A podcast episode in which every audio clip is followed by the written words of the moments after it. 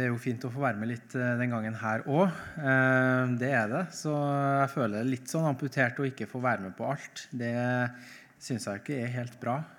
Men, men jeg er litt pressa på tida bortpå bort på, skolen. Så det er det som gjør det. Det er vanskelig å, å stikke unna for mye, rett og slett.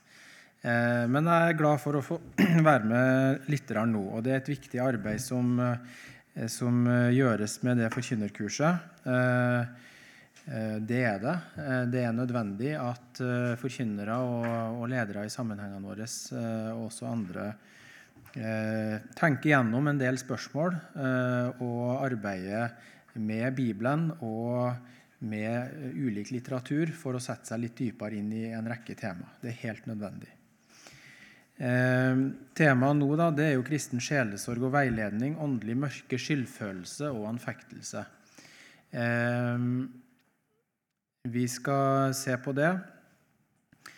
Eh, vil først eh, allikevel gi en innledning som skal være en slags eh, basisramme, eller eh, for å, å legge slags, et slags grunnlag, se på noen sentrale ting i i det Bibelen har å si om menneskesynet. Nå har jo eh, Sigbjørn vært inne på det i går. Eh, eh, men jeg tror ikke at det jeg skal si, nødvendigvis eh, bare er en kopi av det. Det er spissa og tenkt særlig med tanke på det vi skal se på, som har med, med åndelig mørke, skyldfølelse og anfektelse å gjøre. Men vi folder hendene og ber før vi går inn i temaet. Kjære Jesus, jeg takker deg for at du er den du er. Takk at du har skapt oss i ditt bilde. Du har skapt oss til mann og kvinne, og du gjorde alt godt i, din, i sin tid. Så eh, har du på tross av syndefallet tatt hånd om mennesket. Du har holdt oss oppe og gitt oss livet, og du overøser alle mennesker, både onde og gode. Eh, med alt godt på så mange måter. Eh, og ikke minst så har du fullbyrda frelsesverket for alle mennesker da du sendte din sønn i syndig kjøds lignelse, og skaffa til veie en endelig frelse og forløsning fra alle konsekvenser og følger av synden og døden her i verden. Jeg ber at du må gi oss hjelp og lys i ditt ord over de temaene vi nå skal snakke om, i Jesu navn. Og så ber jeg at jeg må også få være et talerør for deg der ditt ords sannhet og lys får lov til å eh, renne gjennom Jesus, og at jeg ikke står i veien for deg, Jesus. Det ber jeg om. Amen. Eh, det første vi skal se på eh, til en innledning, det er at når vi går til Bibelen for å studere det rike persongalleriet vi Eh, der stilles overfor, og hvordan Gud handler med de menneskene i alle forskjellige situasjoner i, i livet, eh, så settes det ikke opp noe avgjørende skille mellom menneskelig og åndelig. Det kan være en, eh, en nyttig presisering. Mennesket behandles som et hele, som et åndspersonlig vesen, som er skapt i Guds bilde, som er falt fra Gud gjennom et syndefall, og som opprettholdes av Gud og er forløst i Kristus Jesus. Ehm, og Det er viktig å være klar over det her bibelske og grunnleggende helhetssyn på mennesket. Det at mennesket består av en slik enhet, har sin grunn i at mennesket ikke var skapt med så å si to åndssider. En så å si menneskelig side som var på et eller annet vis åndelig nøytral, ehm, og en åndsside, en religiøs side, på den andre side. Nei, vi var skapt som et helt menneske. Og i fullendelsen skal vi heller ikke bestå av det vi på den ene side kan omtale som en åndelig side, og på den annen side en slags menneskelig side. Men det skal være en åndspersonlig enhet. Og Det er viktig å ha det her helt grunnleggende ved Bibelens menneskesyn klart for oss helt til å begynne med. Mennesket er altså en åndspersonlig enhet som er skapt i Guds bilde og til å leve i samfunn med Gud. Det er en helt grunnleggende sannhet i Bibelen. Når det er sagt, så må vi på den andre side fremholde at Bibelen er klar på at mennesket er satt sammen av to deler, eller to, eh, om vi skal kalle det substanser. Det har vært brukt ulike begrep om det, eh, nemlig på den ene side kropp, legeme, og på den andre side sjel, ånd, sjel. Mennesket består av altså både en fysisk, materiell side og en sjels- eller åndsside. Og Det kommer til uttrykk i skapelsesberetningen ved at Gud forma mennesket av jordens muld, står det. Han laga noe fysisk, materielt, eh, når han skapte menneskets kropp, for deretter å blåse sin ånde inn i den døde kroppen, sånn at det kom liv i den. Eh, og Vi ser at både kropp og ånd er således skapt av Gud og er av Gud. Eh, når de, eh, nå var de legemene vi først ble gitt, de var jo jordiske legemer. Og så vet vi at Etter syndefallet så kom døden inn i verden, noe som førte til at vårt jordiske legeme, det materielle, det ble dødelig og underlagt forgjengelighet.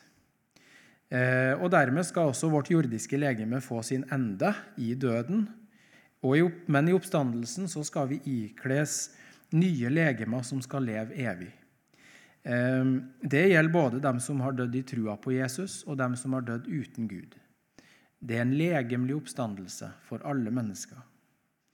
Eh, og I evigheten så skal vi leve i en evig og udødelig enhet igjen av kropp og sjel-ånd. Eh, da skal aldri kropp og ånd skilles fra hverandre, eh, og dem som går fortapt, skal oppleve en evig pine i sine legemer, og dem som blir frelst, en evig herlighet og glede i sine legemer. Eh, det medfører at mennesket består av en kropp og sjel-ånd som ikke er mer eller mindre åndelig. Og Det er viktig å være klar over. Og Både i Kirkens historie og i menneskets historie generelt så har vi sett forsøk på å sette opp usanne skiller mellom det sjelsåndelige og det fysisk-kroppslige i mennesket. Eh, det fører bare til skade og forvirring. Alltid. Noen ganger så opphøyes det sjelsåndelige og gis verdighet over det fysisk-kroppslige, med det til resultat at det kroppslige og fysiske gjøres til noe mindreverdig i forhold til det sjelsåndelige og forringes eller foraktes på en eller annen måte. Det møter vi jo i alle former for gnostiske, dualistiske retninger innen kristenheten eh, og i alle de østlige religionene. Eh, og det her har jo faktisk fått sin renessanse i den moderne kjønnsideologien. Eh, det er viktig å være klar over.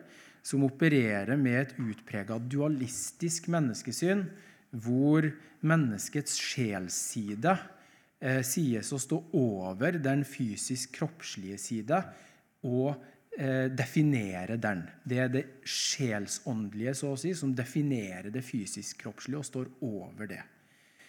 Og Det er det som er bakgrunnen for at man kan si at eh, ha frasen eh, når man snakker om det kjønn du ble tildelt ved fødsel, Eh, bygger på en slik dualistisk oppfatning av mennesket, der det er det indre sjelelige som definerer eh, det fysisk-kroppslige. Eh, og det fører jo uendelig mye skade med seg, naturlig nok. Andre ganger så skjer det motsatte ved at det fysisk-kroppslige opphøyes over det sjelsåndelige, slik at menneskets sjelsside og åndsside foraktes og settes til side. Og Det møter man i en utprega grad i et naturalistisk menneskesyn og i nyere tid i det menneskesyn som gjør seg gjeldende i en evolusjonistisk og ofte ateistisk tenkning, der mennesket blir nærmest kommet ned på dyrets plan igjen. Eh, og det får også sine omfattende og skadelige virkninger inn i menneskelivet. For det tredje så har eh, menneskets eh, både kropp og sjels åndsliv blitt ødelagt og skada i syndefallet og blitt underlagt dødens og forgjengelighetens krefter. Og all sykdom, lidelse og skade og mangel i kroppen, både i ånds- og sjelslivet eh, og i, kropp, i vår fysiske kropp, er en direkte følge av syndefallet. Og Det medfører at menneskets både kroppslige, fysisk-kroppslige og sjelsåndelige side har blitt skada. Når Gud frelser mennesket, og det skal vi legge nøye merke til i Bibelen, så er det en fullkommen frelse som tar sikte på alle former for konsekvenser av syndefallet til både kropp og sjel.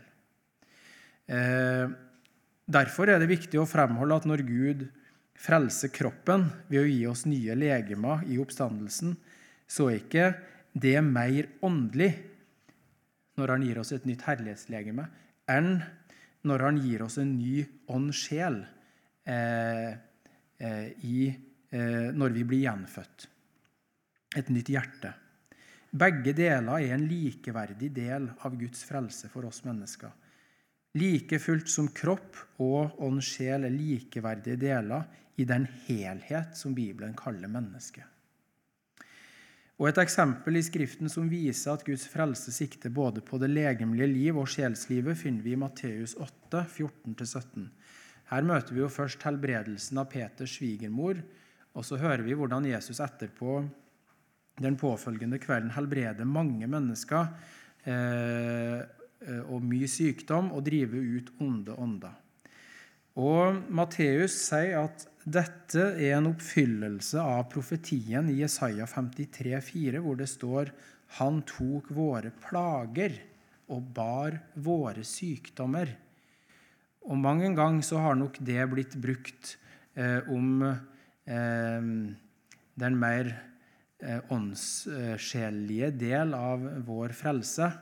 Eh, men her brukes det ordet direkte om eh, den kroppslige, fysiske helbredelse av legemet. Og det er fordi begge deler er en del av Jesu frelsesverk og gjenopprettelse av syndefallet og dets konsekvenser. Eh, og det her kommer jo til fulle, til fulle, til uttrykk i det vi kanskje kunne kalle det største av de fysiske under jord under sitt jordeliv, nemlig oppvekkelsen av Lasarus fra de døde. Og I Johannes evangeliet vet vi at det stilles opp som eh, så å si krona på verket av det Gud gjør av sine under her på jord. Eh, her møtes i et forbilledlig under så å si alle deler av frelsen i et brennpunkt. Frelsen av hele mennesket, både til legeme og til sjel.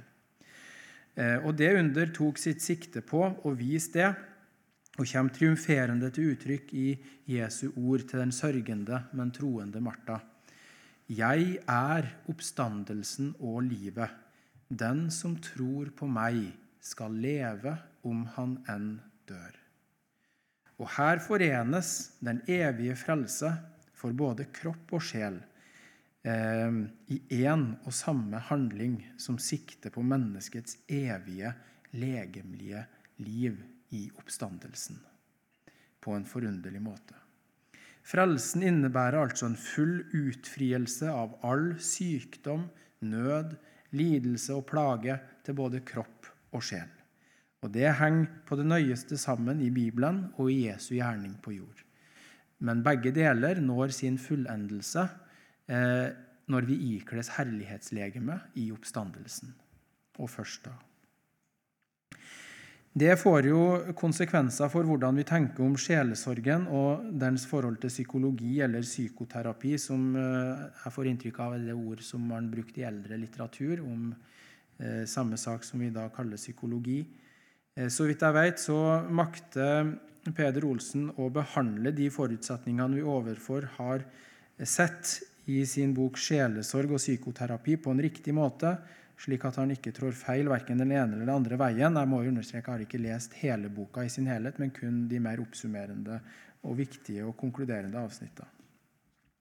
Han skriver på side 34 om det som er felles for sjelesorgen og psykoterapien. og jeg siterer Sjelesorgen og psykoterapien har ikke to forskjellige arbeidsfelter bare berør, som bare berører hverandre eller går over i hverandre, slik at de danner en felles berøringsflate.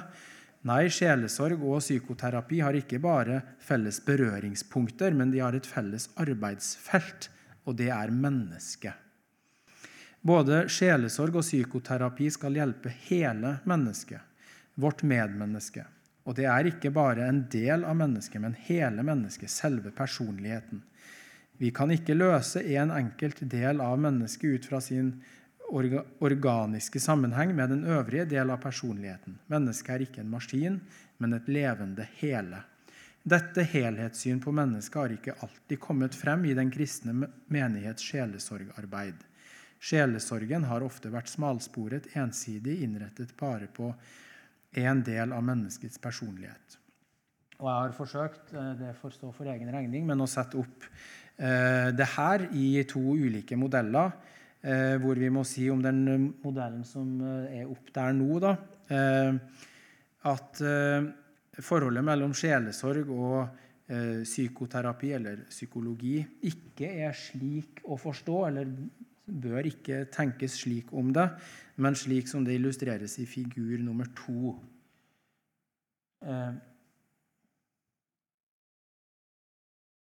Der. Her er det en eller annen slags måne... Ja, en slags måneformørkelse som har kommet inn der. Hva sa du? Nei, det er altså én storsirkel med en liten inni. Ja. Eh, på bakgrunn av det vi har sagt om Bibelens helhetssyn på mennesket, er det altså ikke slik at sjelesorgen og forkynnelsen bare har noe å si om én side av mennesket, men den har noe å si om hele mennesket. Eh, og det er ikke slik at sjelesorgen arbeider med én side av mennesket og psykologien en annen side, som ikke sjelesorg og forkynnelse har noe å si om. Det er det ikke. Og Slik sett så kan vi si med den siste figuren at sjelesorgen og forkynnelsen har noe å si til hele mennesket og om hele mennesket, mens psykologien kun arbeider med sjelssiden av mennesket. Eh, noe som også forkynnelsen og sjelesorgen i utprega grad gjør. Så vi ser at psykologien har et langt snevrere arbeidsfelt med mennesket enn det sjelesorgen og den kristne forkynnelse har. Og Det understrekes også på side 50 eh, og framover i boka til Peder Olsen når han sier noe om hva som skiller sjelesorgen og psykoterapien. Og Da blir det kanskje enklere å forstå eh, forskjellen her også. Han nevner tre forhold som markerer et slikt skille mellom sjelesorgen og eh, psykoterapien, nemlig målsettingen, virkemidlene og oppgavene. De er ulike. Om målsettinga så skriver han på side 50. Enklest kan vi vel uttrykke forskjellen mellom sjelesorg og psykoterapi i de to ordene frelse og helse. Målet for sjelesorgen er i første rekke menneskets frelse, og for psykoterapien er det i første rekke sjelelig og legemlig sunnhet og helse. Sjelesorgen er også, eh, også interessert i legemets sunnhet og trivsel og sinnets helse. Vi har foran understreket det anliggende som sjelesorgen kjenner for den psykiske og legemlige nød. Men frelsen, den evige frelse, er for sjelesorgen enda viktigere og mer avgjørende enn helsen. Selv om en er aldri så frisk og sunn på legeme og sjel, men lever sitt liv utenfor samfunnet med Gud, vil sjelesorgen se at det viktigste mangler. Og omvendt er det mennesket som lever hele livet plaget av svak helse og sykdom, men som ved troen på Kristus har funnet noe som de vurderer høyere enn legemlig og sjelelig helse. Og litt lenger ned eh,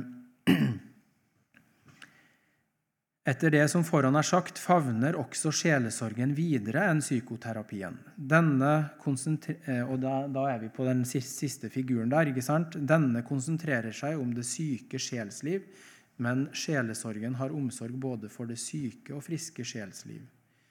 Eh, for hele mennesket i sin ytterste konsekvens. Derfor har den en større og videre dimensjon enn psykoterapien.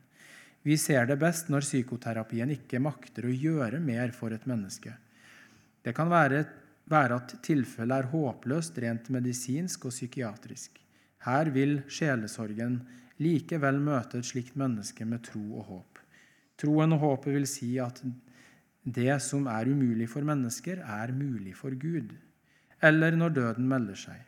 Troen på Kristus gir evig liv, kraft og seier i døden, trøst i sorgen og hjelp i nøden. Altså arbeider psykologien på et mindre og avgrensa område i menneskelivet, mens sjelesorgen og forkynnelsen arbeider med hele. Når vi allikevel kommer til virkemidler og oppgaver, metoder, nei, virkemidler, metoder og oppgaver, så vil vi jo allikevel se at sjelesorg og psykologi må og skal arbeide på forskjellige måter. Det er jo helt klart.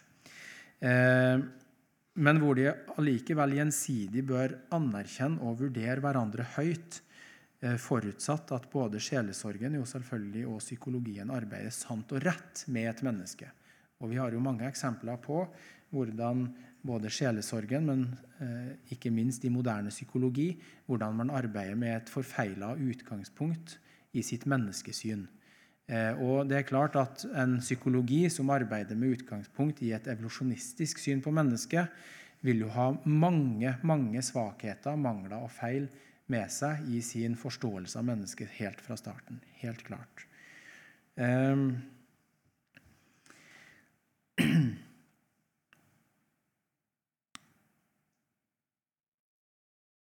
Allikevel så må vi eh, ja, En psykolog som forkaster det bibelske menneskesyn, vil eh, ikke ha de samme forutsetninger for å arbeide sant med et menneske som det en kristen psykolog som tror på Bibelen. Og det er jo ikke uten grunn at mange kristne nettopp ønsker å oppsøke en kristen psykolog eh, for å få hjelp med ulike former for psykisk lidelse. Eh, det betyr ikke at en ikke-kristen psykolog ikke kan ha sanne og riktige innsikter av mennesket og også være til hjelp, men den vil ikke ha forutsetninger ut fra sin grunnlagstenkning til å komme virkelig på det dyp som en kristen psykolog kan, som vil ha et riktig menneskesyn i bånd. Det er klart. Eh, ja, Det får være nok til en innledning eh, som jeg syns eh, er viktig å ha med før vi nå behandler de nye begrepene. Og Her vil jeg bare delvis komme inn på psykologiens side av det. I, i litt liten utstrekning, egentlig. Og mest konsentrere meg om den bibelske veiledningen og det vi finner i Bibelen om de tre temaene. Eh, og Jeg vil behandle dem i den rekkefølgen her. Først noe om skyldfølelse, så noe om åndelig mørke, og så noe om anfektelse.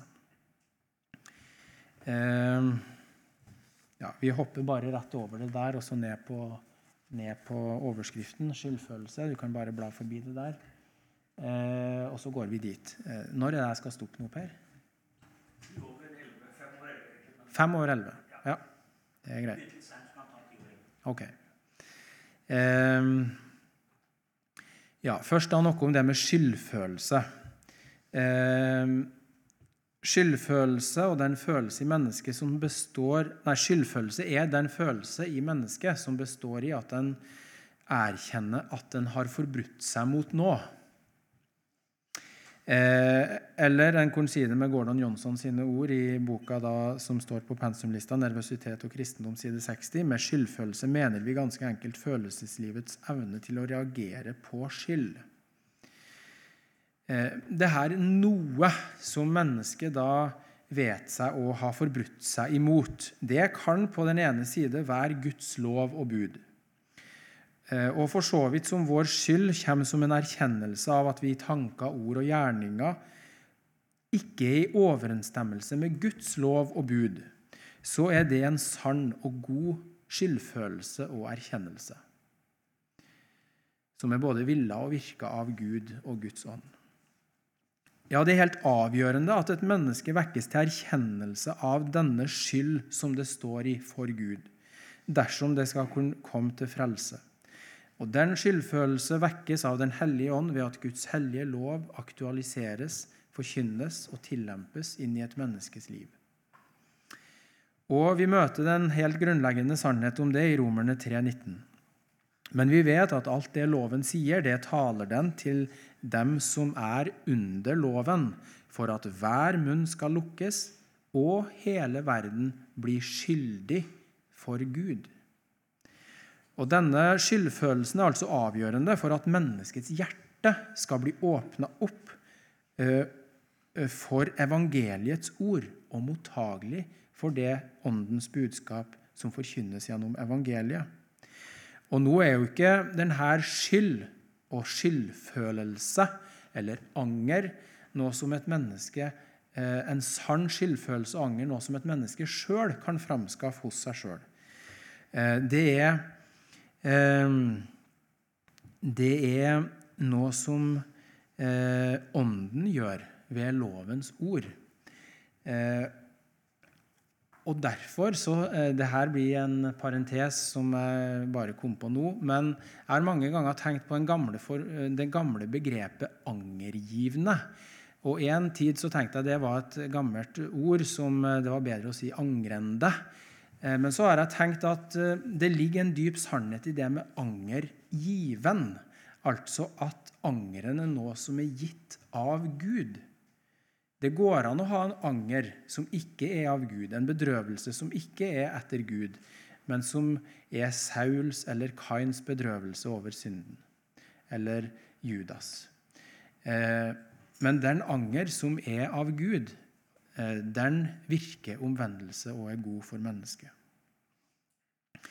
Det er en god skyldfølelse, ja, og det er jo andre hvor 7-10 jeg har Eh, har hatt eh, delvis sitert her. For bedrøvelsen etter Guds sinn virker omvendelse til frelse, som ingen angrer. Det som eh, kjennetegner en skyldfølelse og en anger som er virka av Gud ved Den hellige ånd, det er at samvittigheten stilles til ro når ved evangeliets ord får avløsning. Eh, og Gordon Johnson skriver om det her på side 71. Den ekte skyldfølelse er dynamisk sprunget ut av en sunnhetsreaksjon. Det er som smerten ved en verkebyll. I tilslutning til et oppgjør, til en bekjennelse, skjer en frigjørelse, en lettelse. Smerten forsvinner, det syke leges, og man er ferdig med saken. Ehm, vi møter denne sannheten også veldig klart uttrykt i Bibelen. Vi hører det i Hebreerne 10,22. Så la oss da tre fram med sannferdig hjerte i troens fulle visshet, med hjertet renset fra en ond samvittighet, og med legeme badet i rent vann. Og i Hebreerne 9, 13-14. For så sant blodet av bukker og okser og asken av en kvige helliger til kjødets renhet når den blir stenket på dem som er urene, hvor mye mer skal da Kristi blod, han som i kraft av en evig ånd bar seg selv frem for Gud som et lyteløst offer, rense vår samvittighet fra døde gjerninger, så vi kan tjene den levende Gud. Um, og det her er jo veldig viktig, for Guds mål med oss er jo ikke å eh, på en måte holde oss i en eller annen eh, nødvendigvis konstant eh, skyldfølelse, men at skyldfølelsen skal bli avløst ved evangeliets ord, sånn at samvittigheten kan renses og bli god.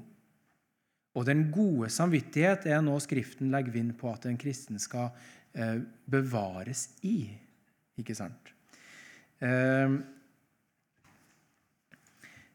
når den skyldbetyngte samvittighet får bekjenne sin synd og høre at all vår synd ble lagt på Jesus, og at han vant en evig forløsning for alle våre synder, da blir vår samvittighet rensa, og vi blir glad igjen. Eh, og Vi møter det så tydelig i et konkret eksempel, nemlig i Salme 32. Her bekjenner David sine blodrøde synder for Gud etter fallet med Batseba. Eh, Først forteller han om hvor tungt Guds hånd lå på han så lenge han ikke var villig til å gå inn i det redelige oppgjør med Gud. Da jeg tidde, ble mine ben tæret bort idet jeg stønnet hele dagen, for natt og dag, nei, dag og natt lå din hånd tungt på meg. Min livssaft svant som i sommerens tørke. Men så lyder det, jeg bekjente min synd for deg og skjulte ikke min skyld. Jeg sa, jeg vil bekjenne mine misgjerninger for Herren, og du tok bort min syndeskyld. Jeg har mange ganger når jeg har lest de ordene her, tenkt hvor lettvint det så ut, og hvor enkelt det så ut for David, som hadde gjort den alvorlige synd. driv hor med Batseba og drep hennes rette ektemann, for det sier Gud at han har gjort.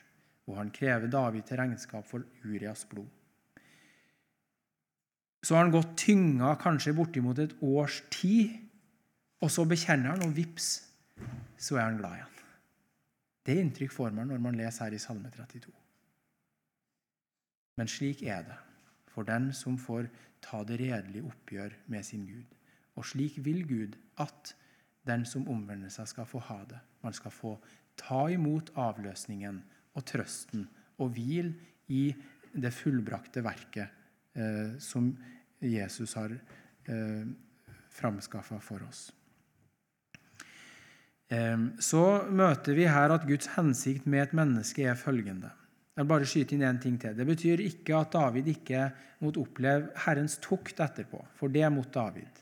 Det ser vi i utprega grad for å bevares hos han. Og I Salme 3 jeg vil skyte inn det også, så ser vi hvordan eh, David beskriver denne tukten på ulike sider når han flykter fra Absalom. Eh, men sjøl når han opplever Herrens tukt, så får han hvil i freden ved at Herren er hans skjold. Ja. Mange sier til min sjel det er ikke frelse for ham hos Gud. Og så har han fått høre av Gud sjøl at den tukt han nå opplever, den er direkte fra Gud som en følge av det fall han har gjort. Allikevel så finner han trøst kun ett sted, og det er hos Herren. I møte med alle troens fiender så er det i den situasjonen i Davids liv kun hos Herren han finner en varig trøst og fred og glede. Og slik vil Gud at den troende skal få ha det. Eh, vi møter her altså at Guds hensikt med mennesket er følgende. Eh, nummer én å ved loven vekke erkjennelse av synd og skyld for Gud. Og ved nummer to ved evangeliet trøst mennesket og avløs synderen fra den skyld, dets skyld, slik at samvittigheten renses og blir god. Eh, og dersom et menneske blir bevart i lyset og blir stående i sannheten med sitt liv, slik at den alltid lar Ånden påvirke og bevege oss til å erkjenne vår synd, da bevares mennesket i en fattig ånd, en ånd som er bøya for Gud, med et ydmykt hjerte, men som står i Guds nåde og fred. Midt i sin erkjennelse av sin syndighet. Men dersom et menneske står Gud imot, vil mennesket gå inn i en eller annen form for forherdelsesprosess. Overhodet all motstand mot Gud er jo forherdelse, nemlig at mennesket gjør sitt hjerte hardt imot Gud og Åndens kall. Også en kristen kan i møte med synden komme i fare for å gjøre sitt hjerte hardt, slik at den prøver å bortforklare eller forsvare synden og den skyld man kjenner og bærer på. Og Det er alltid en meget farlig vei for et menneske, og et kristent menneske. Straks en kristen begynner å forsvare sin synd, begynner en vandring bort ifra Gud. David kom i stor fare da han i rundt et års tid gikk på den veien. Eh, og om han kom helt bort ifra Gud, det har eh, kristne fortolkere svart ulikt på. Jeg for min del veit ikke om jeg kan gi et svar på det. Gud alene vet om han faktisk gjorde det. Men han var under Guds arbeid hele den perioden. Og Bibelen gjør det klart for oss hva som ble enden på det, nemlig at Gud allikevel ved sin ånd overvant Davids harde hjerte, slik at han igjen bøyde seg og fant nåde. I første omgang er denne forherdelse som mennesket kan gjøre frivillig, ved at et som et menneske frivillig framskaffer ved sitt eget hjertes hårhet og ubotferdighet. Og så lenge forherdelsen er frivillig, kan Gud fremdeles arbeide på det mennesket til frelse. Det ser vi av Davids eksempel, men også på andre eksempler i Skriften. Men etter hvert kan Gud komme til å forherde, Gud kom til å forherde et menneske. Da har et menneske kommet inn i en ufrivillig forherdelse.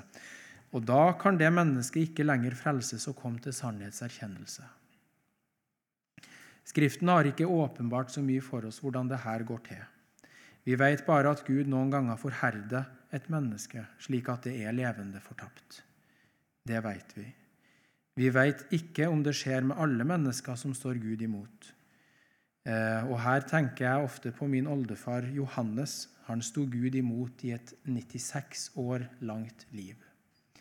Men min bestefar Brynjar, som også nå er død, han fikk flere samtaler med han på det aller siste. Og han eh, fikk frimodighet til å tro at Johannes omvendte seg og kom til tro helt på det siste. Tenk Guds motstander i 96 år og frelst i siste sekund. Ja, vi skal være meget varsomt med å si noe sikkert om det her, om hvordan og når og hvor ofte og hvor raskt Gud forherdet et menneske.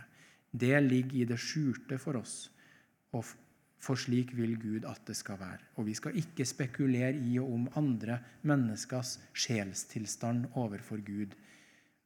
Det må vi holde oss langt unna. Og En av grunnene til at det er slik, er jo trolig det at vi ikke skal spekulere i det, men alltid ta det svært alvorlig med Guds kall til oss. Eh, når han sier 'se, nå er nådens tid', nå er frelsens dag. Vi skal ikke friste Gud og utsette vår omvendelse når Ånden kaster sitt lys inn over våre liv. Så snart vi rammes av Åndens lys inn over våre liv, og synden avsløres og gjøres klar for oss, da skal vi omvende oss og bekjenne våre synder og ydmyke oss under Guds veldige hånd. Og Her vil et spørsmål kunne melde seg for oss, og som også enhver kristen, men som også en kristen sjelesørger, har eh, fått å svare på. Og det er hvor mye synserkjennelse eller skyldfølelse må jeg ha for at det skal være tilstrekkelig eh, til omvendelse for Gud? Og til det må vi svare at Skriften ikke setter opp noe slikt mål eller noen form for grad. Skriften sier at mennesket skal være sann i møte med det Gud avslører for et menneske gjennom sitt lov, og erkjenne sin synd og sin skyld for Gud. Gjennom det svært rike persongalleriet i Bibelen, som spenner over mange tusen år over en lang rekke ulike kulturer og sosiale og historiske forutsetninger, så ser vi at det varierer svært mye. Vi ser mennesker som blir frelst uten eh, eh, At de kom til erkjennelse av åpenlyse synder i deres liv. Og her kan vi og, og, eh, altså, Jeg skal forklare det med et eksempel. Altså, som ikke kommer til erkjennelse av all sin synd, og heller ikke åpenbare synder i sitt liv. Eh, for å igjen ta David som et eksempel. David erkjente at synden erkjent synden eh, eh, erkjent at synden da han drepte Uria og tok Batseba til hustru, var synd. Men sitt flerkoneri ble aldri brakt fram i lyset, og vi møter aldri noen erkjennelse av flerkoneriets synd. For det er jo åpenbart i strid med Guds skapertanke og vilje for mennesket fra begynnelsen av. Vi møter ikke i Skriften, og det gjelder flere av, eh, av eh, Herrens tjenere og eh, fedrene i den gamle pakt, eh, at det er noe som det ikke gis noe vitnesbyrd i Skriften om at de erkjenner, eller at Gud heller nødvendigvis påpeke i det hele tatt i deres liv. Men David bøyde seg for det som ble klart for ham. Eh, og Av det eksempelet vet vi at det er mye av vår synd og ting som er galt i våre liv i møte med Guds lov, som aldri kommer opp i vår erkjennelse, slik at vi føler skyld for det. Og Rosenius skriver et sted at dersom vi fikk se alt vårt syndeforderv, da måtte vi dø. Gud nøyer seg med å åpenbare nå for oss. Så er det slik at den som er av sannheten og vandrer med Herren, nok stadig får se mer av syndens dyp i sitt liv. Men vi kommer aldri til å få se alt erkjenne alt eh, og forstå alt av synden eh, og syndens konsekvenser i våre liv. Men det er heller ikke nødvendig for at vi skal bli frelst og komme til sannhetserkjennelse. Og Det har sin grunn i at Jesus har brakt et fullkomment offer for all vår synd, også det hav av synd og vår manglende erkjennelse av selve rotondet i oss, nemlig arvesynden. Alt det har Jesus erkjent og båret synde, syndens skyld og straff for. I vårt sted, som vår stedfortreder. Og det er grunnlaget for vår frelse hos Gud. Ikke vår grad av eh, følelse av og erkjennelse av den skyld og den synd vi har hos Gud. Det er jo helt vesentlig i den kristne tro og i evangeliets budskap i Bibelen. Like lite som vår frelse avhenger av hvor mye vi erkjenner, er heller ikke vår frelse avhengig av styrken eller kvaliteten, så å si, på vår anger. Og spørsmålet har noen ganger blitt reist hvor sønderknust må mitt hjerte være for at min anger skal være rett for Gud? Og til det svarer Skriften enkelt at det hjertet som har blitt retta på Jesus og fått tillit til evangeliets ord om den uforskyldte frelse i Jesus, har en tilstrekkelig og rett anger som er skapt av Gud ved loven og ånden. Jeg vil her ta et eksempel som jeg syns er interessant. Jeg vet ikke om dere har hørt om Ted Bundy, en av de mest kjente og berykta massemorderne i USA. Han ble henretta 42 år gammel i 1989 for kidnapping, voldtekt og drap av en lang rekke unge kvinner.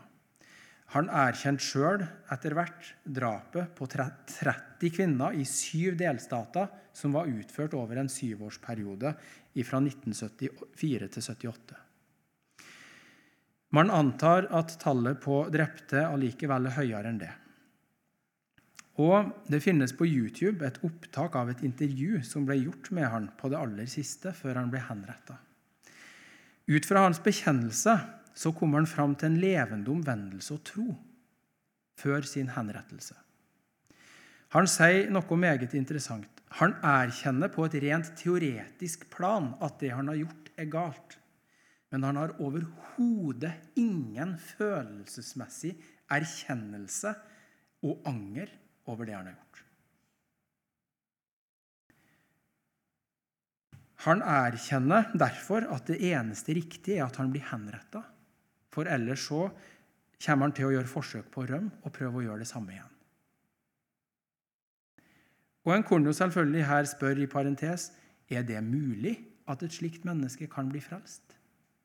Han avlegger en bekjennelse som framstår ekte, om at han har det slik, men samtidig tror at han eier liv i Gud ved troen på Jesus. Det er bemerkelsesverdig. Og vi må jo si at det her er jo langt ifra det normale. og Tvert imot eh, så er det et eksempel på et svært ødelagt og sykt følelses- og erkjennelsesliv. Helt klart. Samtidig er det slik med synden at den nettopp ødelegger vårt erkjennelses- og følelsesliv. Det er også en del av vårt syndefall at våre sjelelige instrumenter har blitt ødelagt. Og Her er det jo viktig å være klar over det faktum at Gud ikke er avhengig av at det er fullkomment før han kan arbeide med oss til frelse. Noen ganger så kommer et menneske så langt inn, dypt, dypt inn i synden at erkjennelses- og følelseslivet har blitt fullstendig korrumpert og ødelagt. Og ikke minst kan syndevaner og ting som vi har i våre liv, gjøre at vår erkjennelse blir fullstendig blotta for eh, syndige og onde tilbøyeligheter og sider ved vår personlighet og vårt erkjennelsesliv. Andre mennesker kan se det, men vi ser det ikke sjøl. Andre mennesker må bære byrden av våre mangler og feil og synder på de områdene, men vi ser det ikke sjøl. Så ja, våre følelsesliv er ødelagt og hos andre i en langt mer dyp forstand enn hos andre. Og den psykologiske diagnose på et menneske som har fått sitt følelses- og erkjennelsesliv så ødelagt som det vi møter hos Todd Bundy, det er jo psykopati. Og det kjennes jo på at man fullstendig mangler et normalt erkjennelses- og følelsesliv. Og han mista selve evnen både til empati, medfølelse og skyldfølelse. Det har blitt fullstendig viska ut i hans erkjennelsesliv. Ted Bundy er samtidig trolig et eksempel på at Gud ikke er avhengig av en anger på det rent følelsesmessige plan i våre hjerter for å komme til tro på Han. Men en erkjennelse som er i overensstemmelse med det Han har åpenbart for oss i sin lov, nemlig erkjennelsen av og innrømmelsen av at vi er syndere for Gud. Men vi har ikke rett til det er jeg ganske så overbevist om, ut ifra Guds ord, og utelukke at en person som diagnostiseres som psykopat, eh, er utelukka fra omvendelsens mulighet. Det har han noen ganger sett blitt gjort, men han veit ikke om vi kan det ut ifra det vi har åpenbart i Skriften. Eller å sette likhetstegn mellom det å være psykopat og det å være forherda eh, for Gud, slik at en ikke kan bli frelst. Ja, Vi stanser der, og så fortsetter vi etter lunsjen. Når er det vi skal være ned her igjen?